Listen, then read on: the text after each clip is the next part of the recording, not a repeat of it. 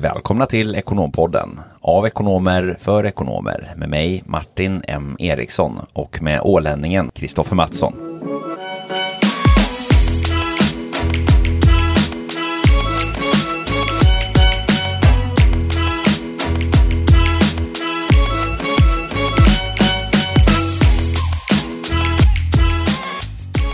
Ja, vi är kvar i studion här med eh, Andreas. Och vi passar på att ta en bensträckare och en kopp eh, värmande kaffe och, och ska nu ge oss in på lite olika trender och, och även utmana eh, Andreas här med lite spännande frågor och, och, och hans take på lite olika ämnen. Andreas, eh, om vi tittar på trenderna i stort. Vilka, vilka är det du ser och har sett under åren och, och som ju du ser är verkligen ihållande och itagande idag? Ja, men det är en spännande fråga. I generella termer kan man nog i alla fall säga att um, den kamerala redovisningsfunktionen renodlade kanske är väg, på väg att förlora sin, sin, sin styrka. Och det går mer och mer mot att ekonomi eller redovisningsfunktionen, CFOns funktion så att säga blir mer och mer ett strategiskt bollplank och eh, ehm, går mot mer verksamhetsutveckling och stötta verks, det, det affärsnära så att säga. Och det är inte bara på CFO nivå så att säga utan även eh, framtida redovisningsekonomer eh, tror jag kommer att behöva vara mer analytiska eh, än, än traditionellt sett. Kunna system eh, mera ingående. Vara mera utpräglade teamspelare och kunna, kunna stötta delar av eh, affären direkt på ett annat sätt än man vi kanske såg för ett par decennier sedan. Mm. Så att det är några trender som är relativt tydliga. Och sedan så går ju allting mot mer och mer digitalisering också på gott och ont. Vi brukar ju säga som så att allting som kan bli nollor och ettor kommer att bli det. Och så är det nog inom, inom ekonomi också så att säga. De flöden och, och, och, och eh, standardiserade processer som kanske görs manuellt idag.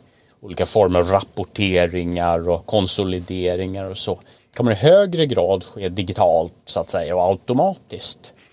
För att så att säga kunna öka effektiviteten eh, och produktiviteten också hos, hos, hos varje anställd. Ja, verkligen. Utan att, att uh, köra slut på, på, på folk helt enkelt. Vilket är det absolut viktigaste, att man hela tiden försöker ha en balans. Och så minskar man ju den mänskliga faktorn också, eh, vilket ju i många fall kan vara ganska bra. Ja, precis, precis. Uh, och uh, ja, verkligen. Det är ju oerhört viktigt.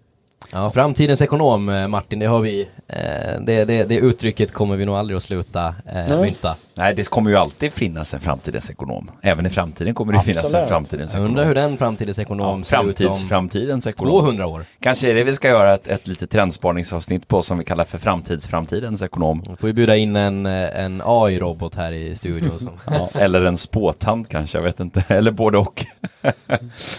Ja, men precis som vi, som vi är inne på, eh, det, det är eh, många intressanta trender som, som du tar upp och jag tänker det ser vi ju tydligt idag i, i, eh, i många delar av ekonomifunktionerna, alltså även bara för att ta ett, ett konkret exempel så, så eh, inom reskontor idag så ser vi ju hur liksom alla de här manuella processerna ersätts av system Eh, vikten blir ju eh, betydligt mer lagd på att du ska ja, men, både kunna då jobba i system, hantera system och framförallt kanske då hantera alla avvikelser, vilket ju blir mycket då mänskliga relationer. Mm. Kunder som inte betalar eller, eller eh, mm. villkor som ska specialanpassas på, på, på vissa, hos vissa leverantörer eller mm. vad, vad det nu må vara så att säga. Va? Så att, eh... Och ser vi positivt på det så kan det ju bidra till att arbetena blir roligare och mer intressanta och mer, ännu mer mänsklig interaktion eh, mellan ekonomifunktion och andra avdelningar, inte minst sälj och marknad som behöver stöttning med analyser och, och, och sifferunderlag och så vidare. Ja, precis. Och det, och det ser vi också vissa, eh, vissa konsultbyråer i marknaden idag som, som har liksom som erbjuder då ekonomikonsultingtjänster och, och kanske också då eh, de, de, mer eh, så att säga grundläggande, alltså väldigt kamerala redovisningsnära tjänsterna. Det är ju vissa som, de, det är många som går från, alltså även de med klassisk byråstruktur, pyramidstruktur, mm. det vill säga där man anställer underifrån och sen då lär upp och så har man en, en karriärtrappa där man växer. Där ser vi ju eh, aktörer som minskar ner ganska kraftigt eller nästan rent av inte ens har behov av att anställa nyutexaminerat längre. Utan där liksom ingångsnivån är någon nivå eller två nivåer upp. Mm. Eh, och, och, det är också en intressant spaning på vad förändrar det för, eller vad får det så att säga för följdkrav och effekter på hela utbildningsväsendet? Mm. Det, det, är ju, det är ju någonting som, som vi också tydligt ser att utbildningsväsendet ligger ju alltid efter. Mm. Eh, så att säga näringslivet. Det har man ju sett. Nu, nu har det hänt ganska mycket med en del nischade YH-utbildningar och sådär. Men alltså tittar vi på den, den klassiska universitetsvärlden så, så, är den ju enormt mm. efter. Så jag tror som så att arbetsmarknaden kommer vara fortsatt mycket god lång tid framöver för ekonomer. Förmodligen alltid om man får säga så. Då. Eh, men att rollerna kommer att förändras. Eh, och eh, såg vi ju inom IT också när, när boomen, höll jag på att säga för ett par decennier sedan att här skulle många bli arbetslösa och så vidare. Men ett av de vanligaste yrkena idag i, i, i alla fall i storstadsregionerna det är ju, det är ju inom IT och systemutveckling och programmering och så vidare. Så, att, så att det är en sektor som växer och så kan det nog bli inom ekonomi också men, men med en annan vinkling på en redovisningsekonom eller en controller eller Verkligen, och det där tycker jag är ganska intressant och en reflektion sådär är just det här med i takt med att allting blir så mycket mer digitalt eh, så har man ju å ena sidan mer tid till den mänskliga, de mänskliga interaktionerna och sådär men, men hur ska man fortsatt hålla det mänskligt eh, när man ändå har så mycket hjälpmedel idag som, som gör det möjligt att hålla mm. videomöten och videokonferenser etc. Jag pratade till exempel med en del gamla kollegor här eh, på eh, men, gamla konsultbyråer och sådär som ju har upplevt väldigt, väldigt många fördelar också med de digitala arbetssätten. Att ja, men, ta till exempel att det kommer en väldigt knepig redovisningsteknisk fråga och man behöver hämta in en specialist till exempel. Ja, men mm. Det är mm. ganska enkelt för den specialisten att koppla upp sig i 30 minuter och svara på eh, hur eh, omvänd byggmoms fungerar eller vad det nu än kan tänkas mm. vara. Istället då för att man har en timme restid tur och retur och sen ska man sitta en timme och vara trevlig och så fakturerar man för tre timmar istället för kanske 30 minuter som mm. det faktiskt tar i, i ren rådgivningstid. Mm. Så det finns ju mycket mer värden att hämta där också. Ja, det finns det och eh, samtidigt får man vara lite försiktig där. Det är viktigt att förstå sin kultur i bolaget och förstå sina medarbetare.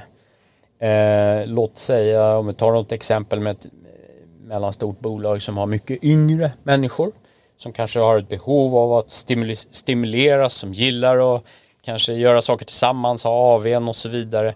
Att man inte blir överdigital. Att saker och ting nu bara ska ske på Teamsmöten och så vidare om, om man kan. Man får inte missa den aspekten att man överutnyttjar fördelarna för då kan det, då kan det komma tillbaks som surt efter eller på att säga. Så det gäller att hitta en balans, förstå sin kultur och, och inte minst då lyssna in på sina medarbetare och försöka matcha och anställa personal som, som, som, som kommer trivas på det sättet man avser att jobba digitalt eller traditionellt. Verkligen, och där kanske vara väldigt tydlig i den förväntansbilden också till medarbetarna. Att hur Verkligen. har vi tänkt att göra det här mm. eh, framöver just för att det inte ska bli de där gråzonerna mm. och, och eller ja, irritation mellan medarbetare eller vad det kan tänkas vara. Ja, precis. Jag tänker på eh, den trenden där vi ju ser då att, att ekonomifunktionen eller då CFOs ansvar eller man ska uttrycka det mm. blir mer och mer affärsnära mm. och får en större och större påverkan. Mm. Eh, vi var lite inne på det här och, och diskuterade tidigare idag eh, just det här med, med liksom när intressen kommer från olika håll hur man ska navigera. Men om vi går lite mer konkret och specifikt på det här med just att vara affärsnära. Mm. Eh, vem beställer av CFO? Är det organisationen? Eh, är det linjechefer? Är det affärsområden? Eh, eller är det vdn som det ska gå igenom och hur, hur hanterar man då den aspekten med, med just eh, det mer affärsnära i Mm. relation till, till de olika intressanta. Det varierar nog från bolag till bolag. Oftast rapport, ofta rapporterar ju CFO till, till VD kanske i första hand och det är väldigt viktigt då att VD och, och CFO lirar bra tillsammans. Man är nästan, nästan ibland som en enhet höll jag på att säga. Eh, men samtidigt då med begränsade resurser så finns det ju divisionschefer och, och, och delar av organisationen som behöver stöttning. Viktiga då, eh, ja inte minst sälj, delar av sälj, säljgrupper och så vidare som behöver stöd med underlag och analys och så vidare. Det viktiga är att man även där eh, manage expectations så att säga. När och var och hur kan, kan CFO och CFOs funktion hjälpa till och med vilka resurser? Just att det inte blir en dragkamp då mellan olika delar och intressenter i organisationen. Så grundläggande struktur där är ju superviktigt. Mm. Och för dig som sitter och lyssnar på det här och, och, och är kanske specifikt intresserad utav, utav det här med då affärsnära eh, och eh, analysorienterade delarna utav CFO-agendan så, så kan vi varmt rekommendera att lyssna in på avsnittet om controllen och vad controllen jobbar med eh, där vi belyser många av de här frågorna. Om du inte redan har lyssnat in på det så, så är det en varm rekommendation att göra där vi verkligen djupdyker på, på just de här kanske lite organisatoriska frågorna också kopplat till, till, till, den, här, till den här rollen. Om vi går in igen då på, på CFOns arbete, ansvar och, och, och sådär. Och vi diskuterade lite tidigare när vi satt och, och pratade upp oss i stämning om ja, men hur kan man tänka sig att CFOn kan understödja bolagets tillväxt, tillväxt och utvecklingsresa. Naturligtvis beror det också på som allt annat men, men vad, är din, eh, eh vad, vad är dina tankar där? Jag tänker lite grann så här att eh, eh, en viktig del av CFOns arbete och även kontrollfunktionens arbete är ju att bygga bra prognoser framåt. Att se in i kulan så, så, så, så, så tydligt och bra som möjligt. Och eh, att ta prognosen ett steg längre. Att bygga scenarier och what if så att säga. Att få tiden och möjligheten att göra det eh, tror jag blir allt viktigare en, för, en, för att bli en framgångsrik organisation. Och då hänger ju allt samman, det är det som är det fina. Eh, värdet så att säga mellan de två kanske grundbenen i CFOns eh, funktion, redovisning å ena sidan och controlling i den andra. Det är ordning och reda i, i, i redovisningen, att man har smidig, smidig rapportering, enkel rapportering, eh, som kommer fram snabbt så att det är möjligt att lägga mer tid på prognostisering och på, på, på, på, på värdeskapande scenariobyggande och så vidare. Kring vilka kunder ska vi jaga, var ska vi lägga våra produktionsanläggningar.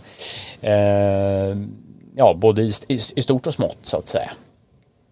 Så att det är ju definitivt någonting som, som, som ökar i, i kanske i omfattning framöver. Och som du var inne på också, det är väldigt viktigt att veta då vilka faktiskt nyckeltal och kopior man ska alltså för, luta sig mot så att säga. Mm. Att man har koll på det och, och eh, sett till bolagets verksamhet också då naturligtvis. Att det blir relevant och att man har hela gänget med på tåget. Mm. Ja, precis. Nu har vi då gått igenom här i del 1 eh, Eh, CFOns agenda och den kan se väldigt, väldigt olika ut. Det, är vi, det, är vi, är- det står vi enade. Eh, och vi har pratat lite trender och sådär och det finns ju naturligtvis jättemånga av dem men det är ju ett tydligt fokus mot digitalisering och lite ändrade arbetssätt och, och, och, och sådär.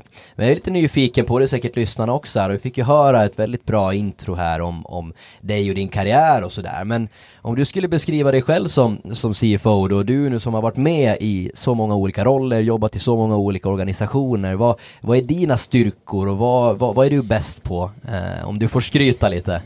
Ja, jag får skriva lite. Skryta mycket ska jag säga nu. Ja, nej men eh, i grund och botten så är jag intresserad av, av människor på, på alla nivåer och, och eh, avdelningar och så vidare. Det är egentligen det som också har drivit mig till att jobba interimt.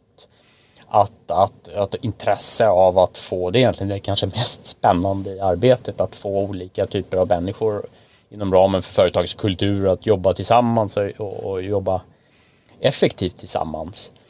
Eh, så det är väl en av mina styrkor, eh, ett intresse för människor. Så, så jag är väl en ganska bra teamspelare. En people's person. Ja men det, det får jag nog säga att det är, det är väl en, en, en, av, en av styrkorna då. då. Jag har ju jobbat eh, även i fabrik, eh, som operatör under, under långa perioder under studier och, och efter studier och så vidare. Så jag tycker ju den delen av organisationen är också jättespännande. Därför är det väldigt viktigt för mig att försöka när jag har mina dragningar att så att säga inte bara dra det på någon slags ledningsnivå utan försöka förklara skeenden och processer och vart vi är på väg i företaget. Vad får det för implikationer även ute i produktion och i, i, i ute för fältsäljare och så vidare. Så att det tror jag är en jättebra lärdom och det där vet jag hört flera som har sagt just att få, ja men alla på redovisning till exempel och förstå affären mm. och vad händer eh, Jag bokför så här men varför gör jag det och vad är det mm. som faktiskt händer ute i affären mm. och, och, ta den nivå längre precis som du är inne på att, ja, men mm. vad händer ute i produktion vad, vad händer när vi prissätter på det här sättet och, och inte mm. liksom bara att man behöver inte vara så toppstyrt utan få dem att förstå då tror jag det blir mycket roligare, roligare för allihopa. Ja, men du är ju, du är verkligen en, en, en people's eh, person Andreas och har ju, har ju beskrivit just det här, eh, eh dels ditt intresse men också eh, vikten utav att, vara det. Eh, och det handlar ju både om att leda personer då, alltså i, i en CFO-roll i de absolut kanske flesta bolag har med någon form av personalansvar om man inte är en extremt liten organisation och gör allting själv. Eh, och då kanske man sällan är en riktig CFO också för då kanske man inte riktigt har hela den agendan i, i, sitt, i sitt ansvar alla gånger mm. om man är ett litet bolag.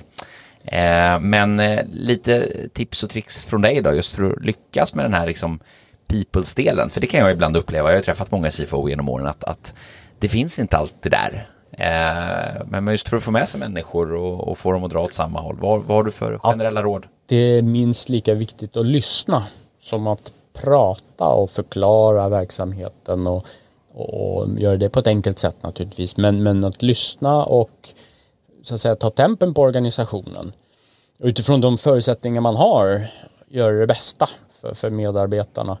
Eh, det tror jag är jätteviktigt och det är något som inte får, man får missa. Mm. Tala är silver och lyssna är guld. Om man har två öron och en mun. Precis. Man får göra sitt bästa ja. utifrån förutsättningarna. Sen är vi bara människor. Men eh, att, att i alla fall ha den inställningen är jätteviktig. Ja, jättebra. Jag tänkte fortsätta, vi pratade lite kort om det när vi pratade om din karriär här innan och din resa och, och, och dina uppdrag. Och du var inne på det här med interim kontra anställd och, och så jag tänkte du har ju varit både interimare och du har även varit anställd. Eh, mm. Eh, vad skulle du säga liksom med dem, man brukar ju prata om det här med, man hör ofta det, jag och Martin också i vår roll liksom att ja, men jag är ingen förvaltande CFO till exempel utan jag ska ha förändring och, och, och sådär. Eh, hur, skulle, hur skulle du beskriva de största skillnaderna och kanske fördelar och nackdelar om man nu skulle ja, generalisera lite? Mellan fast och interim? Precis. Ja, interim som jag jobbat som interim CFO eller andra interima roller. Det är ju en fantastisk frihet, eh, alltså rent personligt.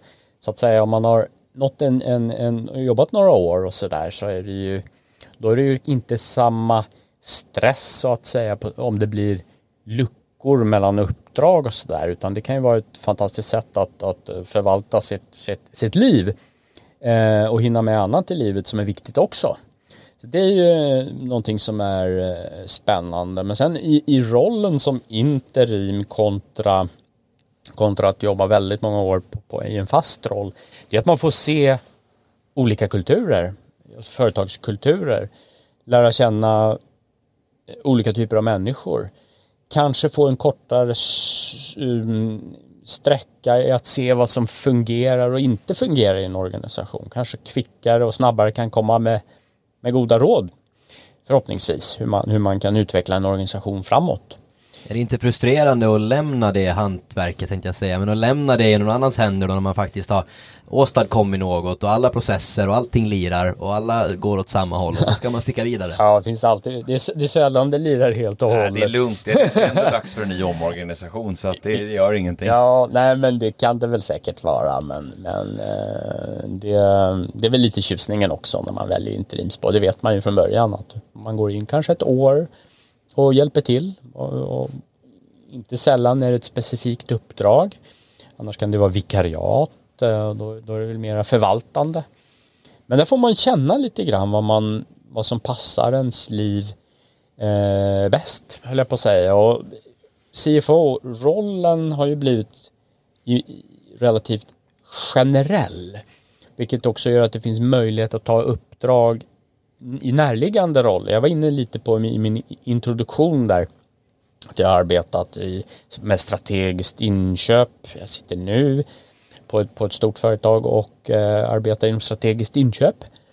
Och eh, jag hjälpte också Nokia eh, när Microsoft förvärvade mobiltelefonin för länge sedan. Finlands, Finlands flaggskepp. Ja, då fick jag också hjälpa till lite. Det var inte inom ramen som C- för CFO men, men på, på corporate control då, då i Esbo i, i Finland. För att nämna några spännande saker man kan göra om man har liksom valt eh, vad ska vi säga, kontrollchefsroll, eh, spåret eller CFO-spåret eller, eller ekonomichefsspåret också, inte, inte minst. Mm. För, för att, att komma till den nivå i karriären som du har gjort inom, inom det här gebitet, Andreas. Hur viktigt är det att ha med sig de, de rent redovisningstekniska grunderna? Det, det, den frågeställningen kommer ju väldigt ofta kanske från ja, lite mer juniora personer eller vi, vi, vi pratar ibland med, med, med, eh, med, med ekonomer som är, är fortfarande relativt sett kanske hyfsat tidigt i karriären, de har några år, men, men de har liksom inte riktigt eh, eh, kanske fördjupat sig inom de redovisningstekniska delarna och valt lite mer verksamhetsnära spår och sådär. Vad, vad säger du om, om bakgrunden och, och, och liknande Ja, men för det- att lyckas? Ja, nej men det är ju bra som i alla hantverk att kunna grunderna först. Eh, så det är ju, det är ju viktigt att, att, att ha det med sig. Så det är ju, finns ju många fina spår man kan gå.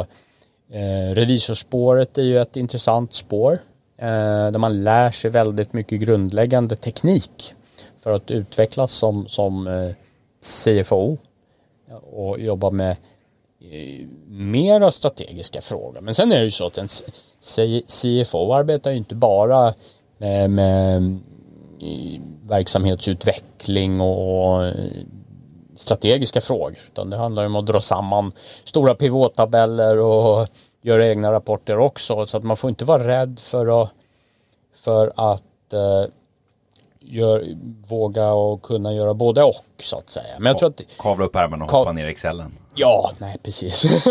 Och återigen så får man ju för att återanknyta lite så handlar det ju om agendan också. Att jag menar vad, vad har jag för stöd runt omkring mig? Mm. Ja, jag är väldigt, väldigt duktig. Strategiskt så kanske jag har en jätteduktig operativ ekonomichef Mm. eller redovisningschef som, som, som styr ihop böckerna och, Mm. och stöttar dig i de bitarna. Jag tror det är viktigt att kunna det grundläggande för att kunna leda andra så, så, så, så, så och vinna ett förtroende så bör man ha en, en hygglig eh, bakgrund i det grundläggande hantverket.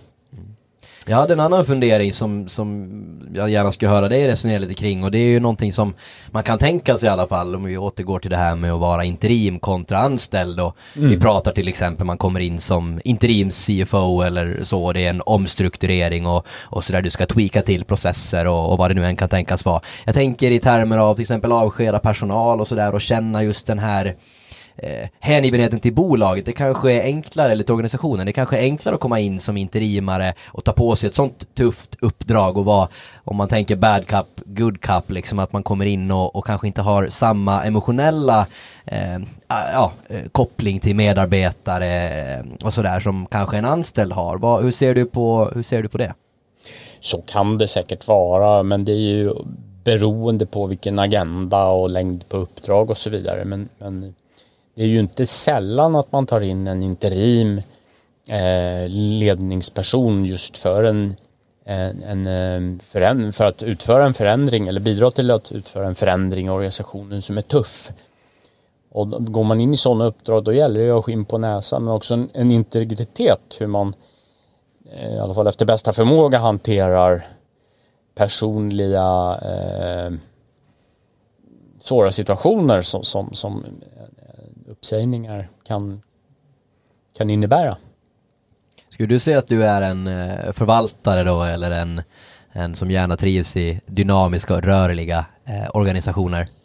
Eller ja. kanske man kan använda den fördelen att varva ett väldigt rörligt uppdrag med... Ja, det kan man göra. Jag gillar ju... Lite andrum och förvaltning. Ja, men absolut. Det, det är trevligt med monotont arbete också ibland. Eh, och rapportering är eh,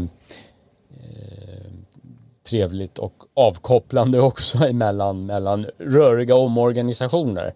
Jag kan nog göra både och, men spontant om jag ska måste välja så är jag nog mm, kanske mera framåtriktad och mera att utveckla och eh, hjälpa till med förändringar. Mm. Jag tänkte på en annan fördel också som vi diskuterade här innan, just att vara interimare och när du har byggt på dig den, den arbetserfarenheten och kunskapen som du har från olika branscher. Man kan liksom göra, du var inne på det tidigare också, göra vissa ja, men komma in och göra rapportering här eller komma in och göra en ma process här, en omstrukturering eller vad den kan tänkas vara. Och också då kanske göra det ja, men ett antal dagar i veckan. Det behöver inte vara fullt i det för den delen och kanske i din i egenskap nu då eh, sitter här med, med, med dig som väldigt musikintresserad. Eh, Andreas, vi pratade om det i början också, just att kunna kombinera det med andra fritidsintressen och sådär. Kanske då framförallt när man har gjort det ett tag och, och har den erfarenheten som, som du har. Men det är ju, måste minst sagt vara en, en fördel också att kunna ägna sig åt ja, men att bygga sommarstuga eller vad det än kan tänkas vara. Ja, verkligen. Jag sitter ju på ett uppdrag nu då inom, inom Compass Group som strategisk inköpare.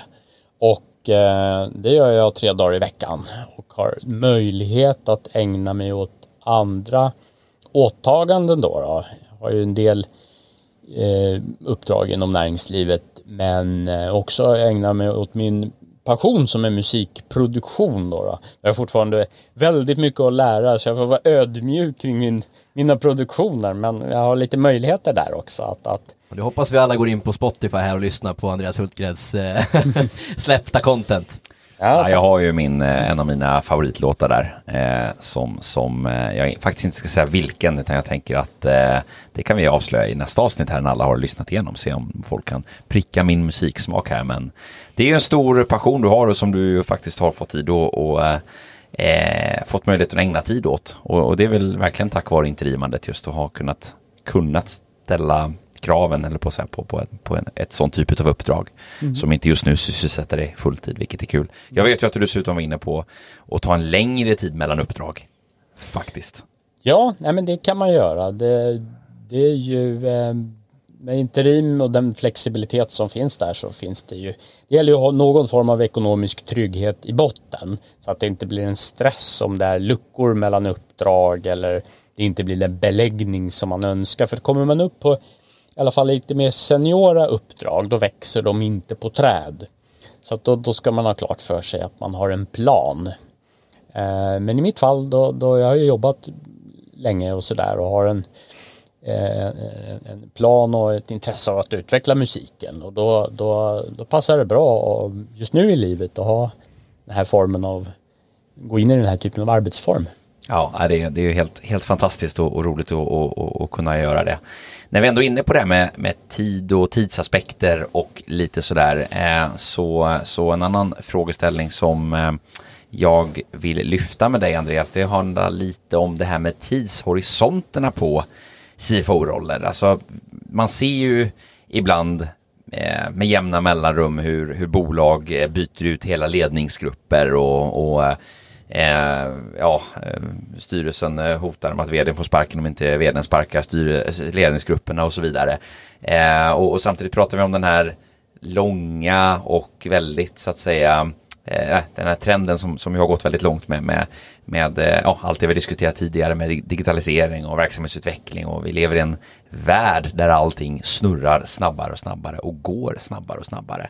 Mm. Vad är bäst före-datumet på en nyrekryterad CFO tänker jag? Hur länge, hur länge är man hållbar innan det är dags att bli utbytt eh, för att bolaget har förändrats? Eller hur ska man resonera där? Hur länge växer man med bolaget eller när bör man bli utbytt? Oh, det finns nog inom alla ledande roller, både exempel där det är korta och bäst före-datum men där det finns människor som har hängt med i många decennier och fungerar alldeles utmärkt trots att bolaget har gått från startup till stort börsnoterat. Det finns nog ingen, ingen, ingen, uh, inget recept så men uh, det gäller väl att vara kanske då vd förstår förstår, eh, inte minst då, förstår bolagets utmaningar och vilken, hur man ska matcha en till att börja med då en ledningsgrupp och, som, som, som ska fungera för den tidshorisont man har. Så där har jag nog inget riktigt bra svar. Det finns nog många, många exempel. Det är som jag förespråkar i, i, i köket då helt enkelt. Att man, man ska ju inte gå på något form av stämplat bäst före datum. Utan mm. man, ska ju, man ska ju titta på råvaran. Först tittar man på den och sen så eh, doftar man på den. Och sen så som tredje steg smakar man på den. Mm. Och håller det hela vägen då eh, kör man eh, en, ett varv till helt enkelt. Och, och, och, och, får man kryss på någon av de här tre, i något av de här tre stegen så är det dags att byta ut igen. Eller så gör man som jag, så fort bäst före datumet har passerat så slänger man bort maten. Ja, det finns många, många vägar. Alla sätt är bra förutom de dåliga. Och eh, alla vägar bär till Rom. Med din eh, långa erfarenhet Andreas så, så har du ju säkert eh, jättemånga eh, höjdpunkter i karriären som du är stolt över. Finns det någon som sticker ut lite extra som du, som du känner en extra liten, eh, liten stolthetstår kring? Ja, det är en spännande fråga. Men jag tror att en höjdpunkt var eh, försäljningen av eh, Madeo. Det var ju ett jättespännande, snabbväxande, dynamiskt bolag som, som blev sålt till en eh, amerikansk eh, spelare för, för tio år sedan och det är ett bolag som har utvecklats eh, väl sedan dess. Så det är alltid roligt att se i efterhand att, att eh, det faktiskt blev någonting av det. Även om det under den tiden man jobbar med due diligence och, och, och, och alla de processer och människor som skulle samarbeta och så vidare. Det var ju tufft. Men så här i efterhand var det ju någonting som jag är väldigt stolt över och det var väldigt roligt att ha fått vara med om en, en, en sån framgångsrik process eller försäljning då av den koncernen. Det är väl en för att nämna ett exempel. Ja, men verkligen. Och det, det är också så som, som du beskriver här, att, att det kan vara de kanske mest utmanande och prövande resorna ibland som, som mm. kan vara de roligaste och mest, eh, mest utvecklingsrika. Eh, och som man ju kanske också kan känna sig stolt över. Även om man då, bara man så att säga haft, har haft eh, rätt personer i ryggen och, och känt att man har, har varit med på det på ett positivt sätt. Så att mm. det är kul. Ja, verkligen. Och eh, ja, men det är härligt inspirerande att höra dig berätta och du har säkert jättemånga, eh, jättemånga diamanter, säga, men skatter där i, i, din lista. Och jag menar, det låter ju som att du har varit med väldigt länge och det har du varit, men jag menar det faktum är att du är ju inte så gammal, vad är du, knappt 45? Yes, det stämmer. Ja, jag menar, du ska ju inte gå självdö riktigt ännu tänker jag och vad vad ser du liksom, nu har jag varit inne lite på backspegeln, vad ser du framåt då i din, i din karriär? Blir det en anställning eller blir det något interimt uppdrag eller blir det producent på Ibiza eller hur, hur, hur, går, hur går tankarna? Ja, framåt? ska man tro dagens, eh, dagens eh, ekonomisk politiska talespersoner så är det ju pensionsålder vid 85, eh, låter det som nästan. Så att vi har ju precis börjat. Vi har precis juniorer. börjat, ja, ja precis. Nej men det kommer nog bli både fasta anställningar och interima ro roller framöver, det tror jag.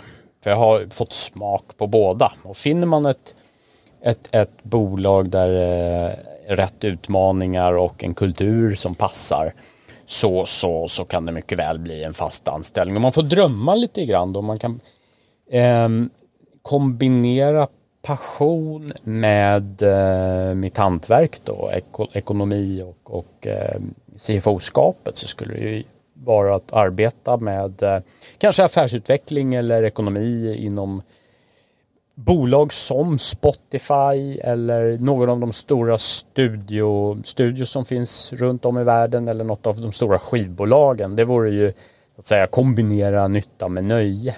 En liten shout-out till eh, de företagsledarna då så har man en riktigt vass eh, CFO eller i övrigt förändringsledningsperson här som kan eh, ta, mm, ta sig an spännande uppdrag.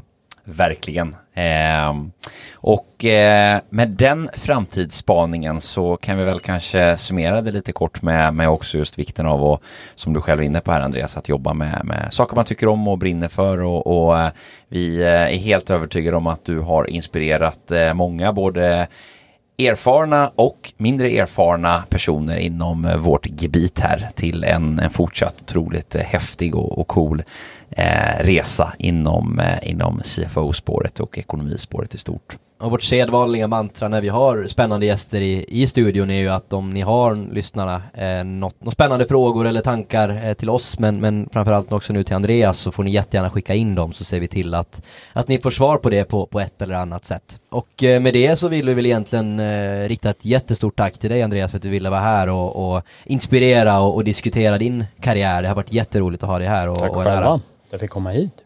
Stort tack verkligen och eh, lycka till nu framåt med allting och ni kära lyssnare glöm inte att lyssna in på Andreas Hultgren på, eh, på Spotify. Verkligen. Vi ses, eh, eller vi hörs om två veckor igen. Ha det så fint. Hej! Hej!